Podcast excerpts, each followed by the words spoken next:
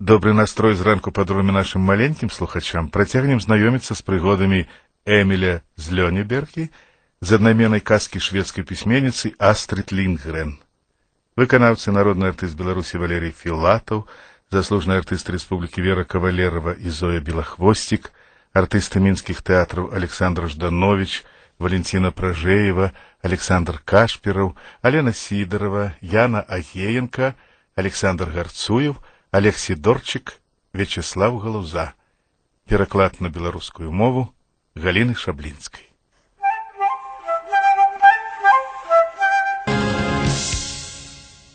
А пачалося ўсё. Відаць з таго, што Эміляў тата купіў у суседнім хутары вялікую свінню з парсючкамі. І трэба ж было так здарыцца, што ўся скаціна падохла.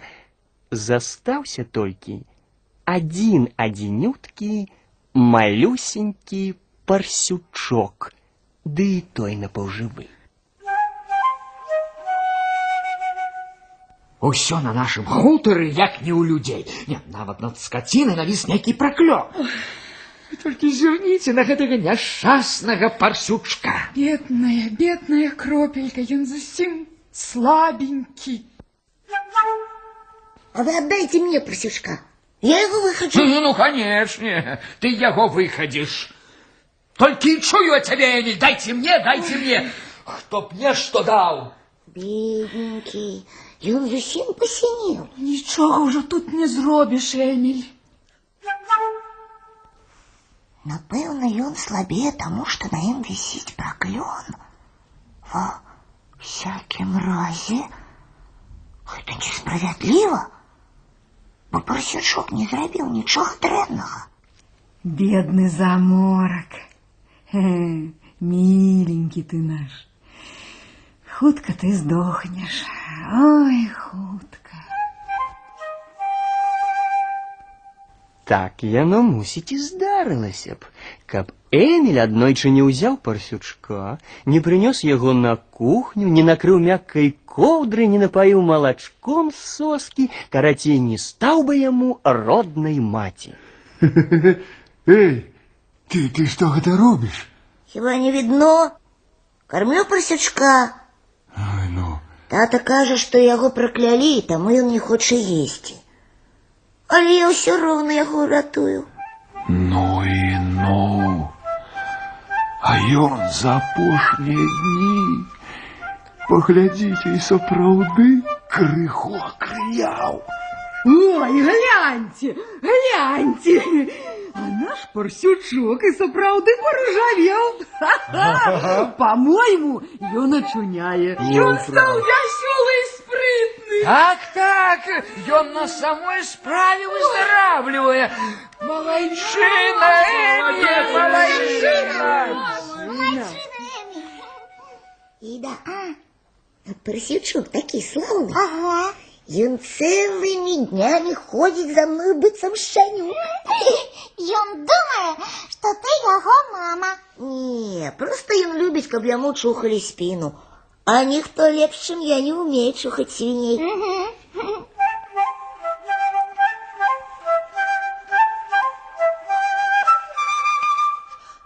Альфред, Альфред, милый, а мы оженимся до конца лета. А, а, а, ты, ты так настойваешь. Ага. Слухай, а навошта такая паспешлівасць? Ведаеш, тут трэба падумаць. Думай худшей. Хутка лето скончится. Минали дни. Лето наближалося до конца, вішні спелі над галавою парсючка, пакуль ён стаяў пад дрэвам з заплюснутымі вачыма і ціхенька павіскваў ад задавальнення, калі Эміль чухаў яму спіну. Цяпер, як толькі Эмілю выпадала адседжвацца ў хляве за свае выбрыкі, хлопчык браў з сабой парсючка. У яго прыемнай кампаніі час пралятаў куды хутчэй, бо нельга ж цэлымі днямі толькі габляваць драўляных чалавечкаў. Паколькі не было іншых спраў, Эміль пачаў вучыць парсючка розным цікавым штукам. Ніхто ва ўсёй Лёнеберзе нават не здагадваўся, што звычайнага смоланскага парсючка можна навучыць такім рэчам. І вось аднойчы, суботнім вечарам Эміль з парсючком з'явіліся перад Альфредам і Ідай у альтанцы, абсажанай кустамі бэзу. Зараз вы ўбачыце, чаму можна навучыць парсючка, калі ў цябе ёсць галава на плячах і мех сушаных вішень. Парсючок, сядзець! Ой, глянь ты. Садиться. Так Рахмана быццам, быццам шчанюк. Парсючок, ляжаць! Ну глянь ты. Ну глянь ты, подае копыток и кланяется. Гэта ён дзякуе за вішні. Ой, а што яшчэ ён умее? Парсючок, галоп! Ну гэта ж трэба. Ну, так і пусціўся вакол альтанки. Ну гэта ж трэба, а? О, а цяпер падскоквае. Давай! Ты просто цуд!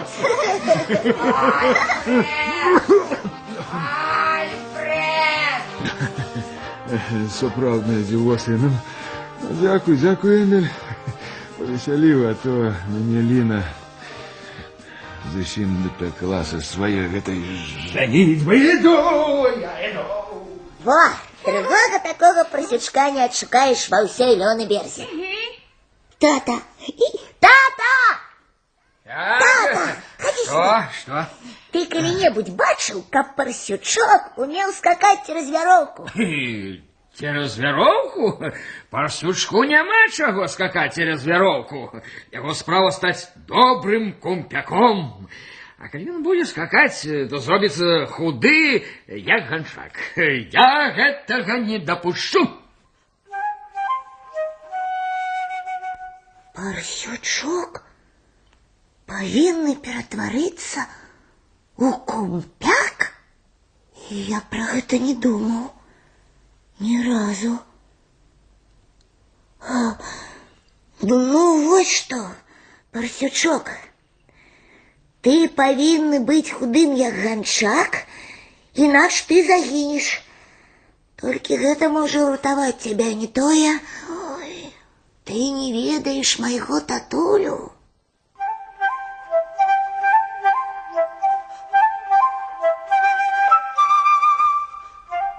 Невядома, як бы далей складвалася гэта гісторыя з парсючком, калі б не адбылася адна падзея, якая перамяніла не толькі лёс парсючка, але і лёс самога Эміля. А пачалося ўсё з таго, што на хутар у госці прыехала фру Петрэль, каб пачаставацца мамінымі пірагамі з варэннем. Задовольнение глядеть на вашу господарку, Альма.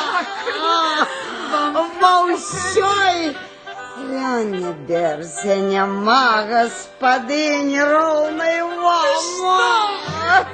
Но никто не умеет так варить варенье, вытискать сок, готовать и знаходить усяму прымянення няма. Дякую, фру Петр. Но... Скажу вам, што сёлета Ага. занадта шмат вішань. Ага, ага. Я нават не ведаю, куды іх падзець.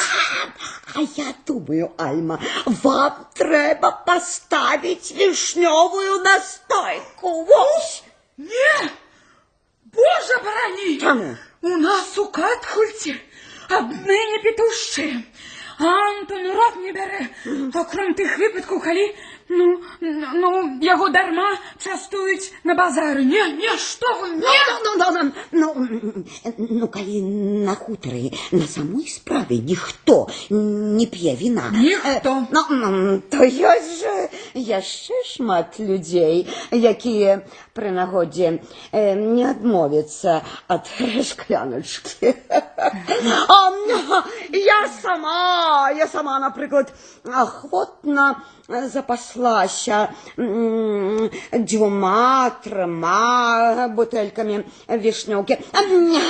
Не разумею, чаму б вам, Альма, не паставіць у далёкім кутку каморы чан з вішнямі. А калі настойка будзе гатовая, я зноў прыеду к Катольда.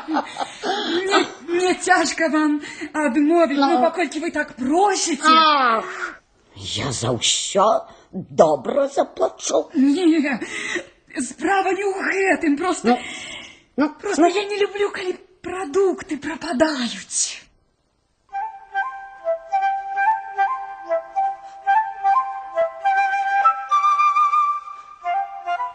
Так ці інакш, мама засыпала вішню ў чан і паставіла ў камору перабрадзіць.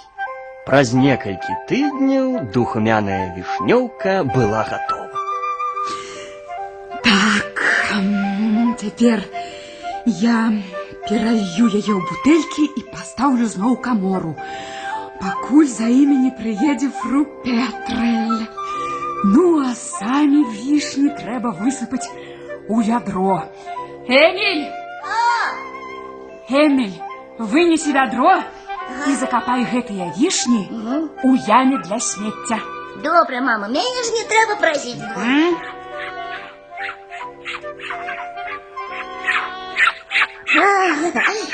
Просячок, хочешь погулять со мной? Это можно. Эй, ты, ты, ну, ну, чего ты залез лучом у ведро? Думаешь, я принес тебе гостинцу? Нет, гэтые вишни треба закопать у яму для смецця. На самой справе. Як дивно. У мамы ж ничто, я думаю, даремно не пропадает. Ай, нехай лишь поласуется просючок. И он так любит вишни. И так старается, что выпацкался до самых ушей. На, на, просючок. Да ты чакай. Как тебе было зручнее, я их высыплю на траву. Вот так. Парсючок хрумстаў вішні з вясёлым павіскваннем. Э, Было зразумела, яны спадабаліся яму. Нечакана прыбег певень, і ён таксама захацеў пабаляваць. Парсючок спярша зласліва зірнуў на яго, пасля мусіць вырашыў не скнарнічаць і дазволіў пеўню дзяўсці ягады колькі яго душы заўгодна. Але тут падаспелі куры на чале з крывой лотай паглядзець, чым гэта частуецца певень. Толькі паспрабаваць вішняў ім не ўдалося, таму што і парсючок, і певень іх адразу прагналі. І раптам Что гэта? Чаму певень упаў як падкошаны? А, і ніяк не можа ўстаць. Во, зноў валіцца галавою наперад. Нічога не разумею.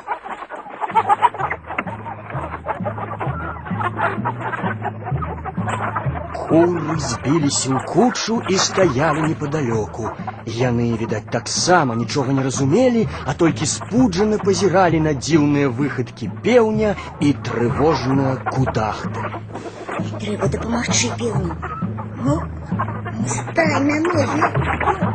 О, ось так. Ну, чаму ти хістаєшся туди-сюди? І тут раптам певень, быццам яго шалёная муха ўкусіла, адчайна залапатаў крыламі і з немым крыкам кінуўся на чародку курэй. Куры ад страху кінуліся на ўцёк. Що зрозуміла? Певень звар'ятів. Пакуль Эміль сачыў за дзікімі выхадкамі шалелага пеўня, парсючок перастаў есці вішні і з пранізлівым піскам весела пабег па двары. Парсючка кідала то ў адзін бок, то ў другі. Ногі яго запляталіся, і ён рухаўся скачкамі з цяжкасцю утрымліваючы раўнавагу. Куры на паўмёртвыя перапуду кудахталі так адчайна, что сердце разрывалось. Нічого не розумію. Щось це нядобре з ними робиться. Бідні кури. Мало того, що їх півень звар'ятів, дик яще шалілий порсючок на полоху до смерті. Ой, кривая лота валяється зовсім не живая. Мусить у яє розрив серця. Треба організувати їй пристойне поховання. На надмогильном валуне я напишу Тут спочиває кривая лота, якою до смерті напужав порсючок. Аднак трэба сказаць, баляванне, якое знянацку пачалося, гэтак сама раптоўна і скончылася. Певень зваліўся на вачах Эмеля ля самага вядра, ледь чутна кукарэкаючы і млява падорхваючы лапамі, а парсючок проста заснуў і нават захроп, спрабуючы пры гэтым чамусьці расплюшчыць вочы, але тое яму не дужа давалася.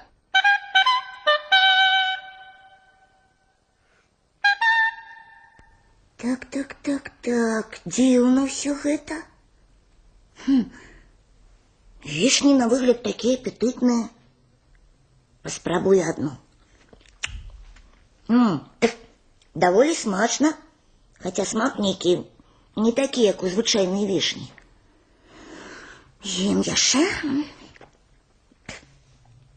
Не разумею, як можна выкідваць такія смачныя вішні. Трэба зараз пайсці да мамы і расказаць ёй усё, што здарылася. Але ой, штосьці ногі не хочуць мяне слухацца. Такая лянота апанавала.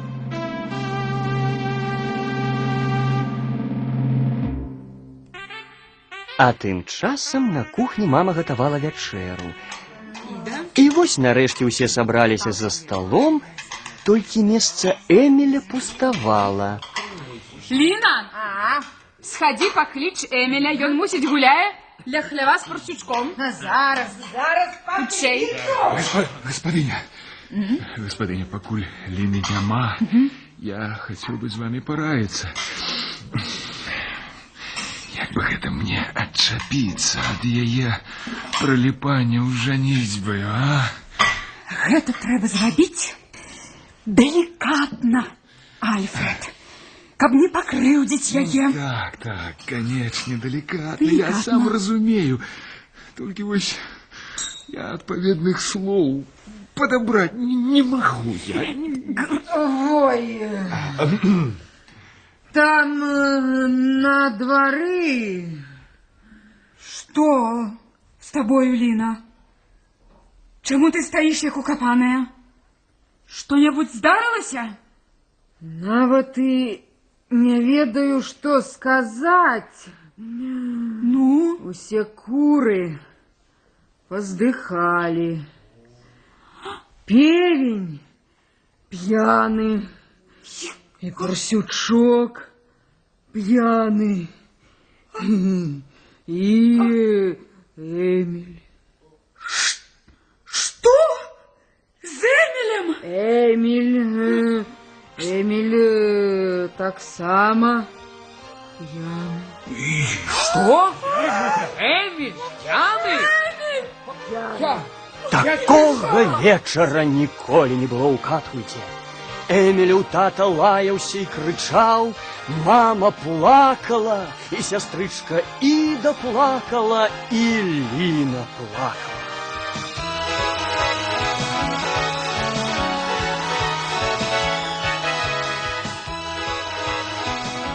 Толькі Альфред на дзіва не страціў розуму, і ён выбег з дому разам з усімі і пераканаўся, што Эміль на самой справе валяецца ў траве разам з парсючком. Ён... Ён і сапраўды п'яны. Ну, да непрытомнасці. О, о, Дрэнна. Голова крысится. Я занясу яго ў пакой. Яму лепш, слухайце, лепш застацца на свежым паветры. Я ўжо ведаю толк у этих вот справах. Не хвалюйтесь, я сам побуду. Я, я побуду за Эмилем. Я, я, я, я.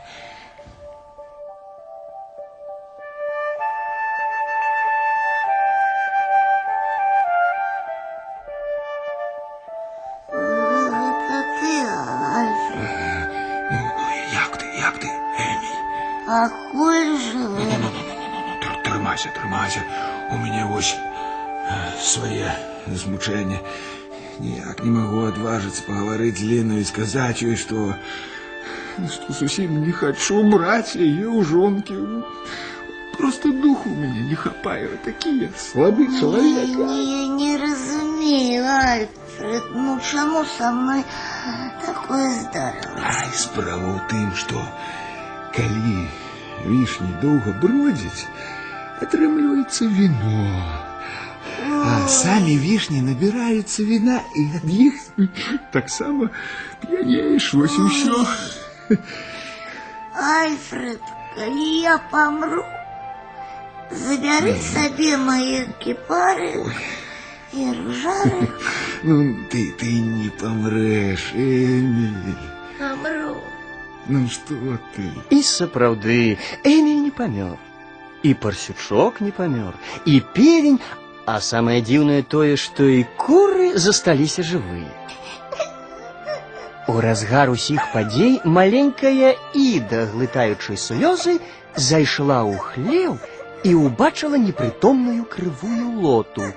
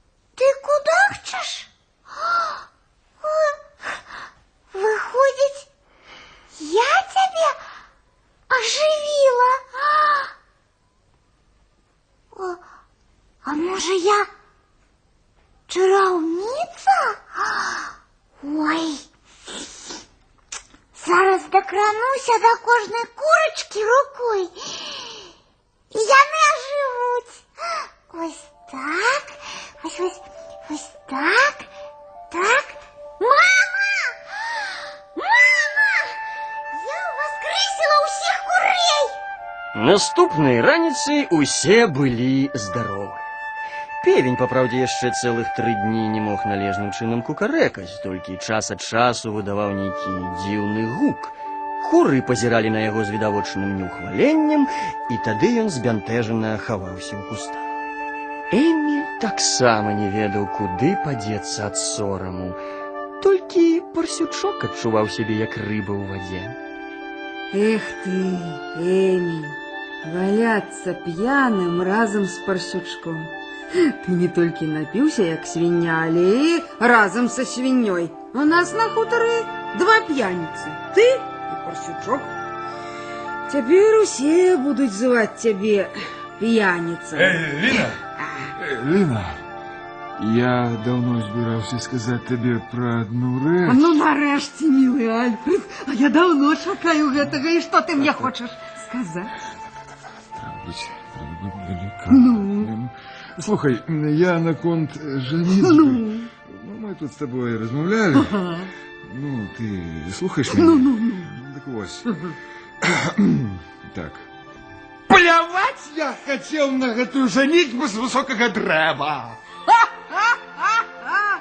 Ах ты, бедненький ты мой, тебе плюнуть захотелось, да кулесь на высокое древо До зимы мы обовязково оженимся. Бачиш, Еміль, я мусить ніколи, ніколи не здолею відмовитися від этой Ліни. Нічого, ні ти не плач. Але на гэтым гісторыя з вішнямі не скончылася. Пасля абеду да веснічак Катхульта падышлі два змрочныя паны, апранутыя ва ўсё чорнае. Добрый день. Добрый день, добрый Мы з Лёнебежскага таварыства цвярозышча.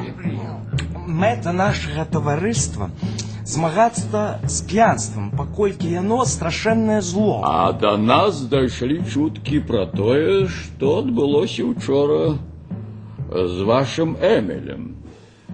Так вось, э, добра было б, каб ён прыйшоў на пасяджэнне таварыства, а там яго на вачах усіх перавыхаваюць і прымусяць весці больш цвярозы лад жыцця. Причым тут Эмиль? Во ўсім вінаватыя вішні. О, прабачце.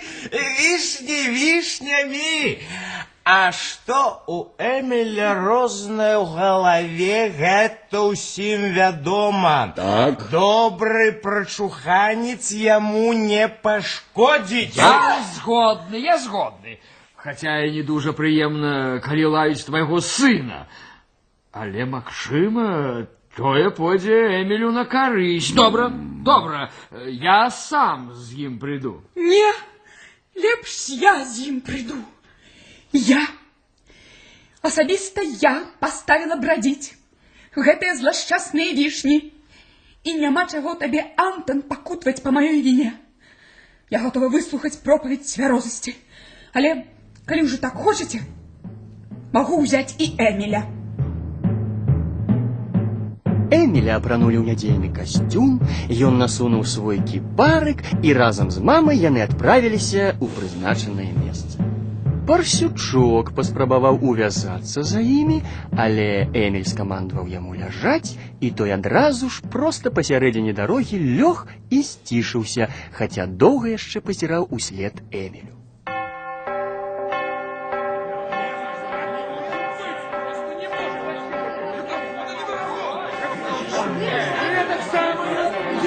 Можете сабе ўявіць, што зала таварыства цвярозасці была ў той вечар бітком набіта. Усе жыхары Лёнебергі хацелі прысутнічаць пры пераўтварэнні Эміля ў непітушча. Юный чалавек, які зазнае келіх зялёнага змея. Якага келіха не было! Тишай!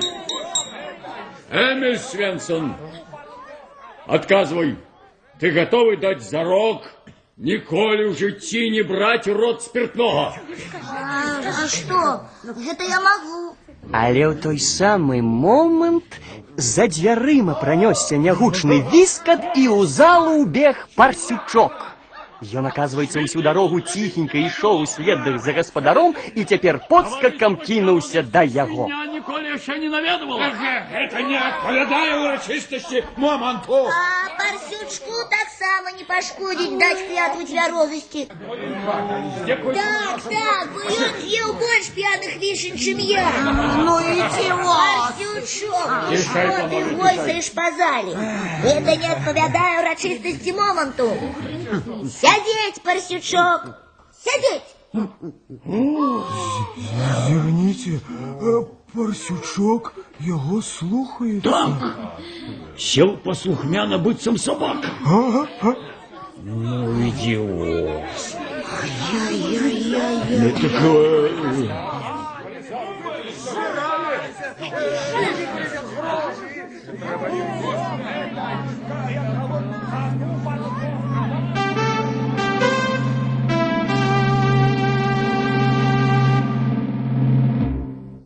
Эмиль, повторай за мной слово ў слово. Я ўсё свое жыццё Я ўсё сваё жыццё буду устрымлівацца буду стрымлівацца ад моцных напояў ад моцных і напояў прыму ўсе меры і прыму ўсе меры для распаўсюджвання для цвярозасці распаўсюджвання цвярозасці сярод маіх суграмадзян. сярод маіх суграмадзян. О, малайчына! Ну вось, парсючок, і ты таксама пакляўся. Я такога ніколі не бачыў. Каб хто-небудзь даваў клятву разам са свіньёй. Але ж гэты хлопчык з хутара Катхуль заўсёды што-небудзь вытварыць.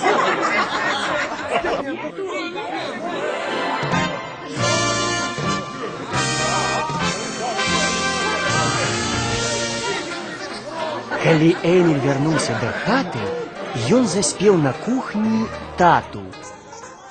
Тата сядзеў ля стала, і на вачах у яго Эміль прыкмеціў слёзы. Послухай, Эміль. Эміль, паколькі ты пакляўся ўсё жыццё не браць у рот спиртнога, я табе падару гэтага парсючка, тым больш, што наўрад ці з гэтага нягодніка атрымаецца добрая смажаніна. Пасля ўсіх яго скачкоў і п'яных выбрыкаў. Эмілі так узрадваўся, што падскочыў амаль пад самую столь.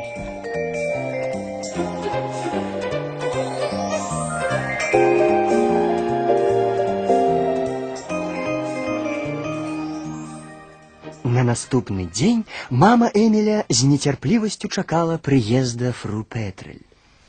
Добра, што гэтых бутэлек больш не будзе ў хаце. Ой, а што там за дзіўны грукат? Быццам хтосьці б'е шкло ў склепе.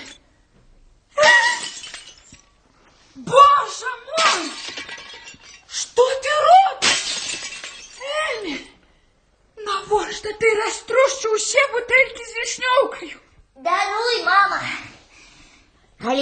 выконваю сваю клятву. Змагаюся за цвярозасць. Вырашыў пачаць з фру Петры.